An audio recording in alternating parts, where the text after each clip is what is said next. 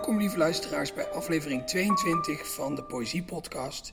Als ik het goed begrepen heb, is het vandaag precies vijf jaar geleden dat de huurovereenkomst voor Splendor werd getekend. Het prachtige pand waarin deze podcast opgenomen wordt.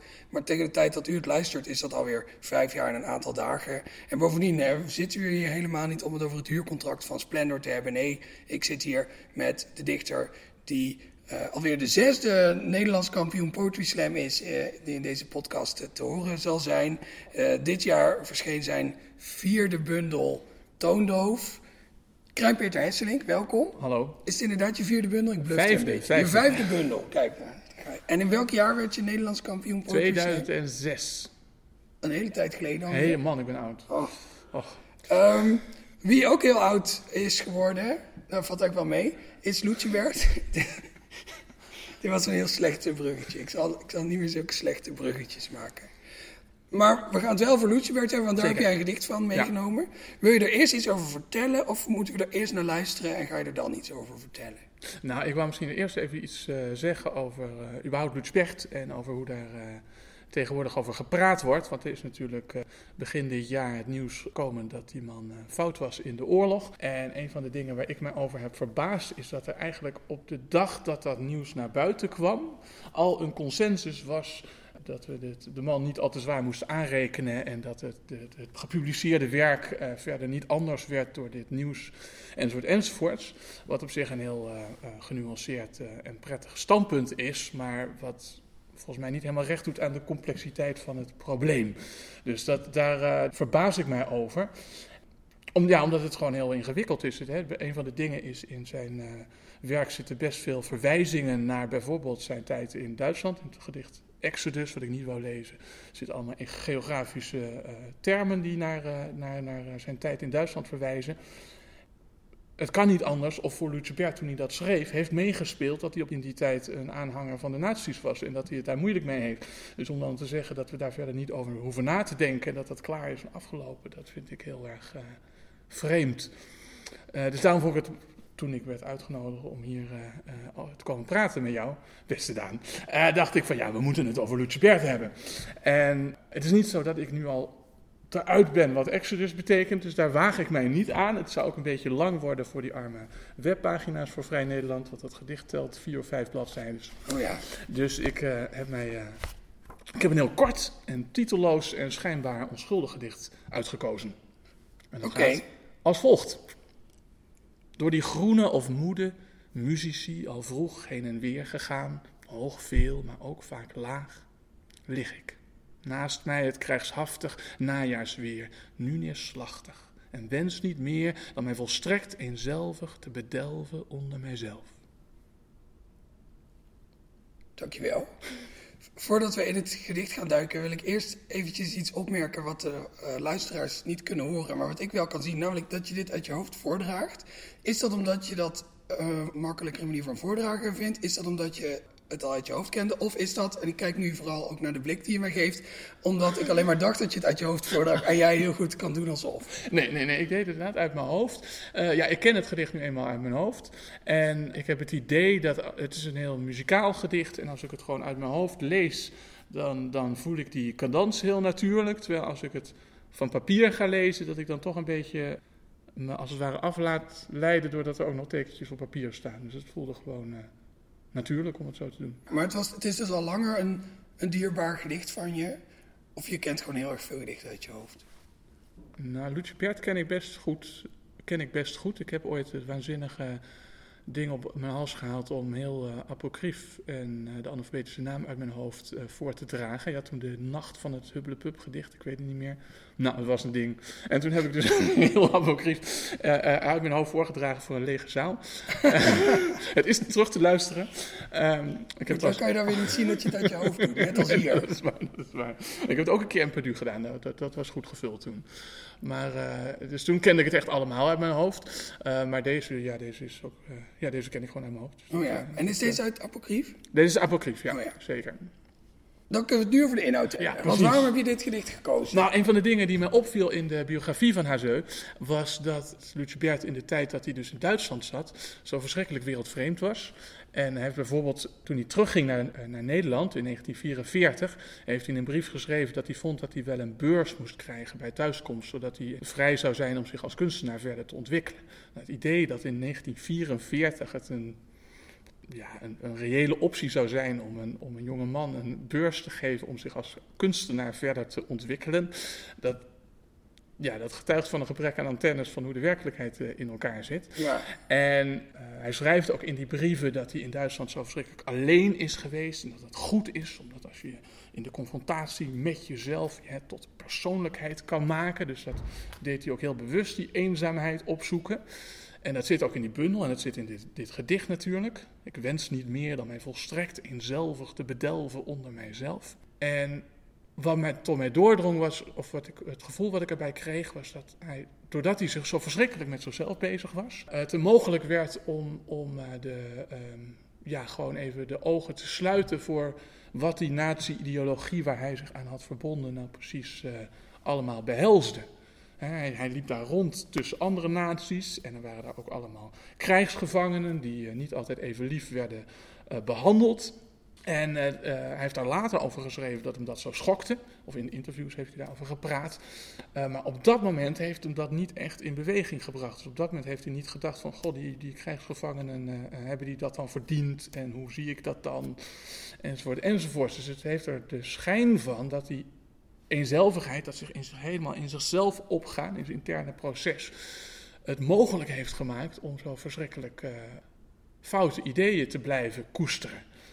En dat zit ook heel erg in, in apocrief, dat, dat eh, je in jezelf opgaan. En dat krijgt dus opeens een veel minder onschuldig toon. eh, nu ik dat in verband ga brengen met anderhalf jaar lang volstrekt foute ideeën.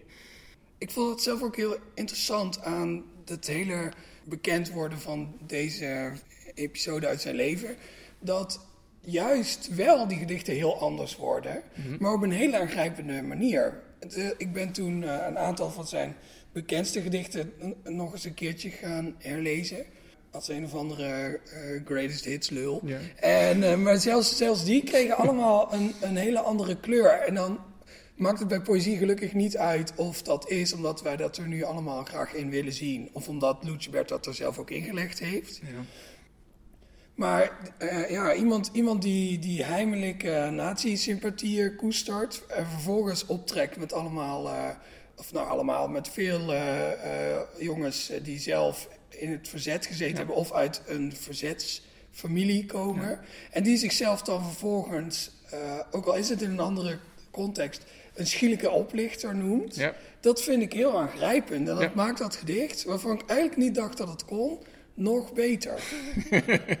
Terwijl het tegelijk heel wrang is. Want het, misschien had ik liever gehad dat ik die extra laag niet zou hebben. En eh Lucebert gewoon een fijne kerel was geweest. Want Ja. ik denk dat hij voor mij en voor jou en voor een heleboel andere dichters een ontzettend voorbeeld is geweest. zeker. En het is toch wel ietsje makkelijker als iemand die jouw, jouw voorbeeld is, ook een beetje je persoonlijke voorbeeld kan blijven. En dat kan niet meer.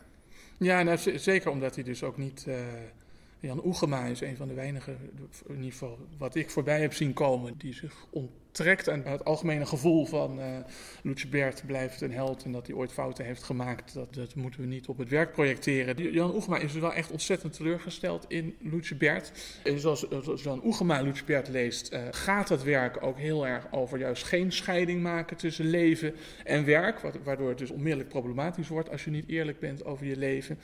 En hij zei van, uh, Lucebert heeft ergens ook kansen laten liggen, want dat hij eh, anno 1951 of 52 bang was om dit te vertellen, dat is heel begrijpelijk. Op, hij- dat- hij is op dat moment nog absoluut niet, heeft geen erkenning als, als kunstenaar. Nou ja, dan op dat moment fout in de oorlog blijken kan het einde van je, op korte termijn van je plaats in het literaire veld betekenen. En eh, ja, vind dat dan nog maar eens terug. Maar bijvoorbeeld toen eh, een biografie van Hans Andreas verscheen, waarin dus werd, eh, werd onthuld dat Hans Andreas aan het Oostfront heeft eh, gevochten. Toen had Lucebert heel erg goed kunnen zeggen, nou ik heb ook nog wat te vertellen. En dan had hij zelf de moed gehad om het te vertellen. En op dat moment was hij, was hij aan alle kanten de, heerser van de kanon uh, der Nederlandse letteren. En uh, zouden mensen precies zo hebben gereageerd als, als er nu is gereageerd. En dan, nee, dan is het die persoonlijke moed van ik treed nu naar buiten en ik toon mijn, mijn zwakke kanten. En dat had nog goed werk op kunnen leveren ook, want hij heeft daar vast wel wat over te zeggen gehad. Wat hij nu niet heeft kunnen zeggen, omdat het weggestopt is gebleven. En dus niet heeft willen zeggen eigenlijk ook. Precies, hij, hij, hij kiest daarvoor. Ja, dat vind ik ook jammer. En is er ook nog een poëticale reden waarom je voor dit gedicht gekozen hebt? Heeft het nog een raakvlak met jouw, jouw eigen werk en de manier waarop je zelf poëzie schrijft? Wat, kun je dan nog iets leren van Loetje Bert? Ik kan ongetwijfeld heel veel leren van uh, Loetje Bert. Het is, zo'n, uh, het is een... Uh, ten eerste is het een, een, een virtuoze volzin van, even tellen, negen regels. Dus het is gewoon heel knap en evenwichtig geschreven. Door die groene of moede muzici al vroeg heen en weer gegaan. En dan een tussenvoegsel hoog veel, maar ook vaak laag. Dan pas de hoofdzin, lig ik. Dan weer een tussenvoegsel, naast mij het krijgshaftig, najaarsweer, nu neerslachtig. En dan komt de hoofdzin pas weer. En wens niet meer dan mij volstrekt eenzelvig te bedelven onder mijzelf. Het is eigenlijk een hele ingewikkelde uh, uh, constructie, die toch, als je hem leest, als een volmaakte boog de lezer, of in ieder geval mij, meeneemt. Dus daar zit een enorme meesterschap in over de, over de zin, dat je uh, die structuur beheerst en toch heel organisch laat klinken. En dan is het ook nog eens heel muzikaal.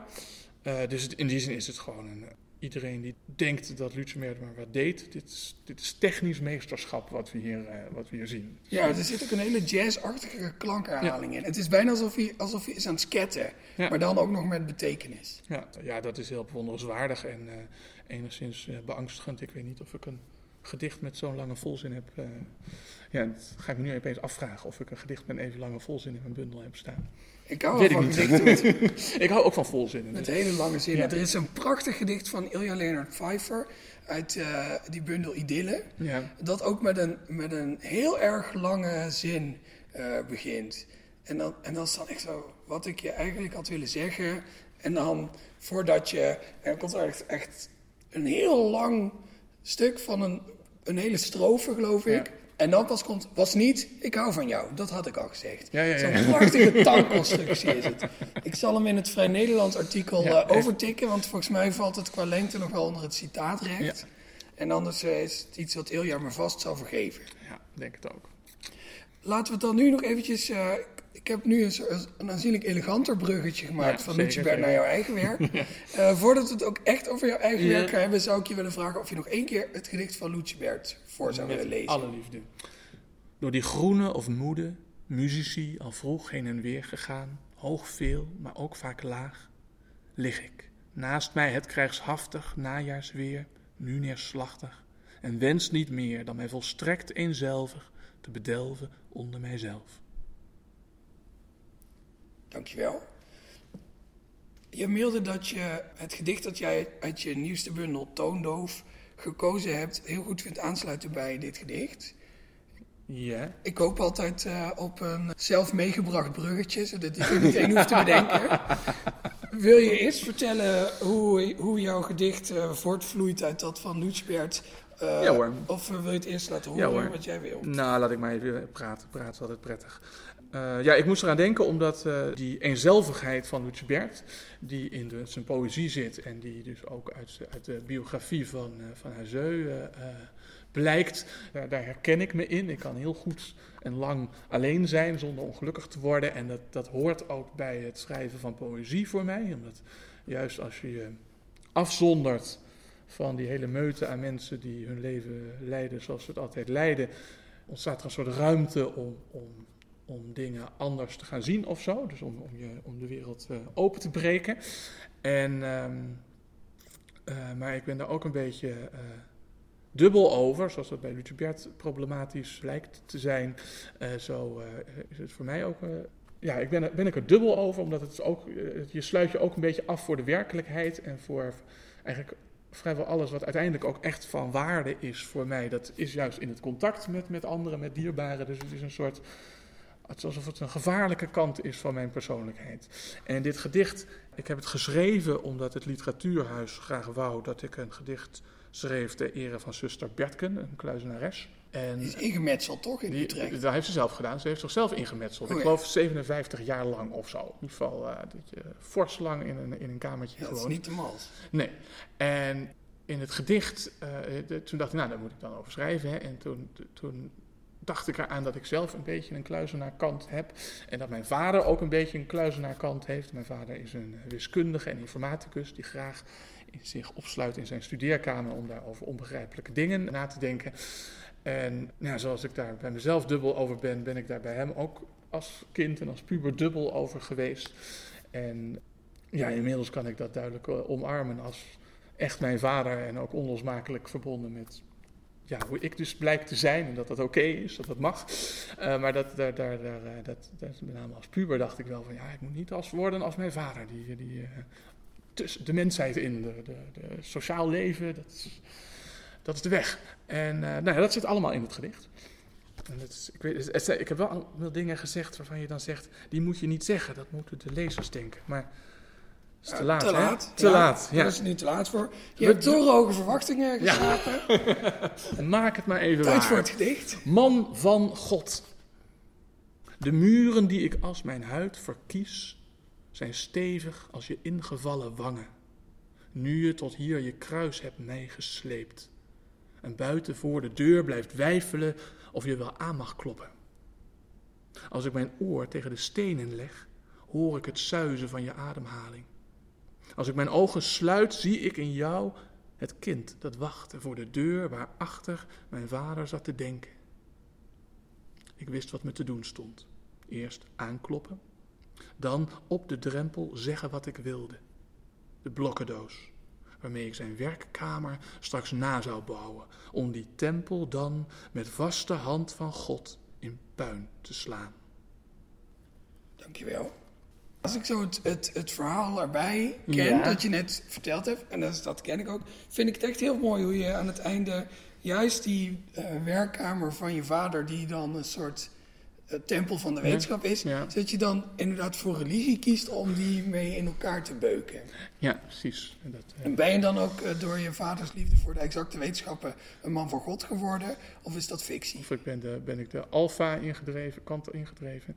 Ehm, oh, ik ben zeker geen eh, man van God geworden. Nee, dat kan ik niet zeggen. Ik ben een, eh, een eh, onverbeterlijke agnost. Dus de, ik, ik, vind mensen die zeker weten dat God bestaat ongeveer even vervelend als mensen die zeker weten dat God niet bestaat. Ik heb niet de neiging om ervan uit te gaan dat God bestaat, of ervan uit te gaan dat ik of anderen voort zouden leven. Dat, dat, eh, ik heb het idee dat we moeten accepteren dat we niet weten en dat we dus onze zingeving hier moeten zoeken. En als er dan nog een bonus blijkt te zijn, dan, eh, dan is dat een bonus. Ja, hij heeft wel de schijn tegen, inderdaad. eh. Nee, dat, nee, nee, nee, nou ben jij. nou, nou, dat is niet wat ik zeg. Nee, ik zeg, ik weet het echt niet. Ja, echt een pure agnost. Ik ben een pure agnost. Ik ben dan zo'n zo'n agnost met een paar eh, atheïstische trekjes. Ja, precies. Ja, oké. In zekere zin is dit dus een opdrachtgedicht. Want Ja. je werd door het literatuurhuis voor de opdracht gesteld... maak iets over zuster Bertken. Ja. Volgens mij hebben we het nog nooit over opdrachtgedichten gehad in deze podcast. Dus ik dacht dat het wel aardig was om dan aan jou eens te vragen. Ja. Hoe, in jouw geval, want het is natuurlijk voor iedere dichter anders. Hoe gaat dat dan in zijn werk? Je krijgt die opdracht binnen. Dat weten we als het beginpunt. We weten ook het eindpunt, dat is dit gedicht. Kan je een soort globale aanduiding geven van- wat daartussen gebeurt? Nou, de eerste is dat je je afvraagt wie was zuster Bertken in godsnaam. Dus dan ga je even Wikipedia eh, en eh, kijken wat daar. eh, eh, nou, die blijkt dan dingen geschreven te hebben, dus die zal ik ook vluchtig hebben bestudeerd. Ja, vervolgens leef ik mijn leven een tijdje. En dan af en toe komt het zo boven dat, dat, dat ik nog iets met zuster Bertken moet. En ja, toen bleef in dit geval dus het kluizenaarschap. En wat ik daarin in mijn eigen leven herken, dat kwam bovendrijven. Dus daar ging ik dan eh, over schrijven. Is dan een antwoord? Ja? En heb je dan ook, heb je dan ook eh, in die periode een beetje zo dat Opel Agila gevoel van mensen die dan hebben net een Opel Agila gekocht en ineens zien ze overal Opel Agila's rijden. Dus dat jij ineens overal eh daarstellingen van het kluizenaarschap herkende. Nee, dat heb ik niet. Oh, jammer. nou, we het toch even over een Opel Agila kunnen hebben. Het is prachtig, ja. maar- Deze podcast wordt mede mogelijk gemaakt. Ja, nee, nee, dat heb ik geloof ik niet. Nee. Nee, dat heb ik gewoon niet. Ik, nee, ik, ik, ik, zoek naar iets nuttigs om te zeggen daarover. Nee. Nou, het is wel, ja, je bent ergens op zoek naar. Misschien heeft het ook wat te maken met. met uh, je zoekt naar aanknopingspunten.